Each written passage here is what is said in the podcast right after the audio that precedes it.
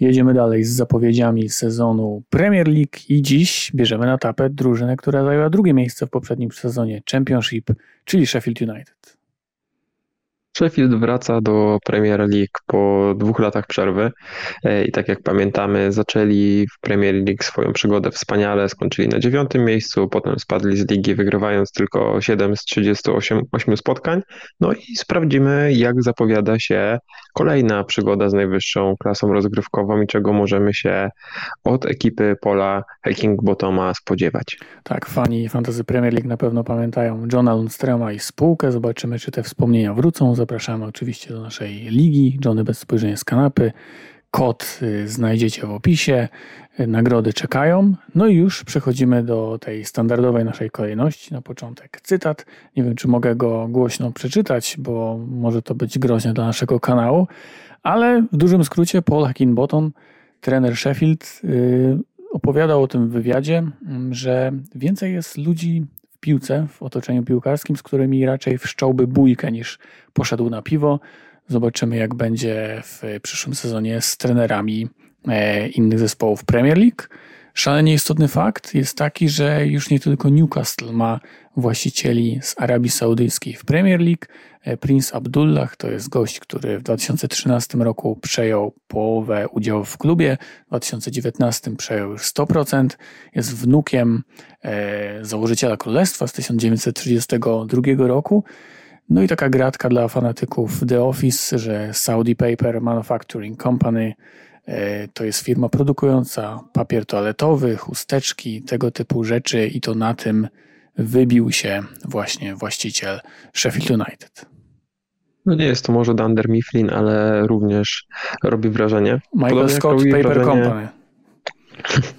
Podobnie jak robi wrażenie Paul Hackingbottom i to, co udało mu się z Sheffield osiągnąć, chociaż niektórzy mówią wręcz, że obecnie Sheffield ma lepszą kadrę niż w przypadku niż gdy spadli z ligi, to jednak trzeba docenić osiągnięcia nowego menadżera Sheffield, który wcześniej nie miał zbyt wielu sukcesów ani e, w Barnsley, ani w Leeds, ani w Hibernian w Szkocji. Raczej się nie wyróżniał, tylko był menadżerem takim dość przeciętnym, a w Sheffield rzeczywiście odpalił. Też popisuje się taką ciekawą filozofią, że stara się jak najbardziej angażować piłkarzy e, chociażby w treningi, czy też pozwolił McBurniemu i Sharpowi poprowadzić analizę przed meczem, gdzie wskazywali słabe punkty defensywy rywala, więc widać, że to innowacyjne podejście do futbolu i budowania więzi jest tutaj jak najbardziej obecne. Tak, Bottom był tymczasowym trenerem po zwolnieniu Chrisa Wildera, kiedy Sheffield już szorowało po dnie tabeli Premier League. E, później zatrudniono Slawisza Jokanowicza, on wytrzymał tylko 22 spotkania. Bottom wrócił. No i jeśli wytrzyma do szóstej kolejki, derbów Arabii Saudyjskiej, bo meczu z Newcastle, to poprowadzi tę drużynę set, po raz setny. Gwiazda drużyny to jest ktoś znany yy, kibicom Premier League, bo Sander Berge przychodził do Sheffield jeszcze kiedy oni byli na najwyższym szczeblu. Przychodził za spore pieniądze, 25 milionów yy, z Genku belgijskiego. Jest to piłkarz, który yy, w Europę wyruszył z Valarengi. E, no i gość, na którym powiedzmy opiera się ten środek pola drużyny Sheffield. On lubi sobie trochę często, lubi sobie zejść gdzieś do prawej strony. Natomiast są jeszcze dwa nazwiska, o których musimy powiedzieć w tej sekcji, czyli Ahmedodzić oraz e, Ndiaye. To są piłkarze, którzy byli naprawdę bardzo ważni, jeśli chodzi o awans. Obaj w 11 sezonu Sky Sports Ahmedodzić to jest urodzony w Malmo reprezentant Bośni. Co ciekawe, 6 e, goli w zeszłym sezonie w 35 meczach. Natomiast Ndiaye to jest piłkarz, który by już na Mistrzostwach Świata e, reprezentował barwy Senegalu. Zobaczymy też, ile z tych gwiazd drużyny zostanie na kolejny sezon, bo i w przypadku Ndiaye, i w przypadku Berge e, pojawiają się plotki o mocniejszych klubach, które chętnie obu zawodników widziałyby u siebie, także zobaczymy, jak to się potoczy. Mm, obecnie też Sheffield jest drużyną, która ma spore kłopoty finansowe i jeszcze do niedawna mieli embargo transferowe. Wiele wskazywało na to, że mogą mieć problemy, żeby tego lata jakiekolwiek transfery przeprowadzić. Ostatecznie po awansie udało się temu zapobiec. Sheffield znowu może robić transfery, dlatego mamy chociażby tych trzech bohaterów widocznych na grafice, ale żeby wam przedstawić, jak poważne były to kłopoty, to Sheffield nie miało nawet pieniędzy na wymianę murawy na boisku treningowym, co powodowało kontuzje i mocne siwienie włosów pola Hacking-Botoma. Tak, no to też nie są wielkie nazwiska, ale Rucci to jest e, piłkarz, którego mogą kojarzyć kibice Liverpoolu, bo tam pojawiał się w sparingach e, przedsezonowych zawsze. Anis Slimane to jest środkowy pomocnik z Brandby, który przyszedł za free. Natomiast Beni Traore, napastnik z Ligi Szwedzkiej, z drużyny Haken, 15 goli w 40 meczach Ligi Szwedzkiej. Także jak widzicie, no nie są to nazwiska robiące ogromne wrażenie. Zbytniego wrażenia nie robią również wyniki e, meczów z pre-sezonu, no bo mamy tutaj dwie porażki i tylko jedną wygraną z Chesterfield. Dwa najważniejsze sprawdziany jeszcze przed ekipą z Sheffield, także zobaczymy jak to będzie wyglądać, ale pre-season na pewno nie napawa optymizmem. Tak, no te wyniki rzeczywiście bez strzału. Przechodzimy do sekcji słaby punkt i jest pewna analogia z tą poprzednią przygodą Sheffield w Premier League, ponieważ no, ich najlepszym piłkarzem był wtedy no niekoniecznie John Lundstrom, ale Dean Henderson, który e, wyrobił sobie nazwisko tamtym sezonem.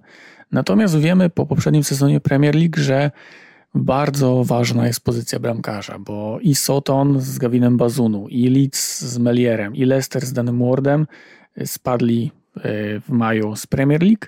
No i pytanie, czy West Foderingham, czyli bramkarz, y, który najwięcej meczów rozegrał gdzieś na tych niższych poziomach rozgrywkowych, jest wystarczającą postacią na ten poziom.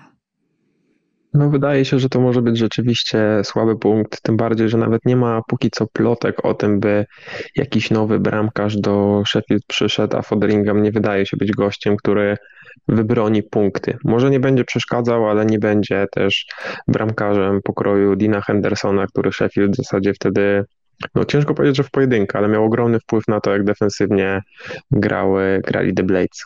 Tak, 131 meczów w League One, pora na pierwszy w Premier League. Przechodzimy do młodego talentu, czyli Iliman Diaye, o którym już trochę mówiliśmy. E, co o nim jeszcze możemy dodać? No 46 meczów, 14 e, goli, 11 asyst w poprzednim sezonie, także naprawdę e, niezła historia.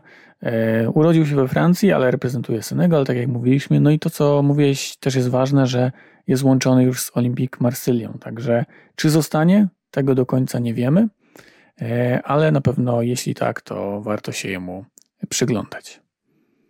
No jeśli chodzi o fantazy Premier League, no to oprócz Ndiaye, który jest sklasyfikowany jako napastnik za 5,5 i może być ciekawą opcją, oprócz też McBerniego, tutaj również e, wracają wspomnienia do tego sympatycznego, rosłego napadziora, no to mamy też George'a Baldoka, którego pewnie kojarzycie z poprzedniej wizyty e, Sheffield w Premier League, no i dalej gra na boku obrony całkiem angażuje się w grę ofensywną i nawet jeśli liczby nie robią wrażenia, to grający defensor za 4-0 to to, co lubimy.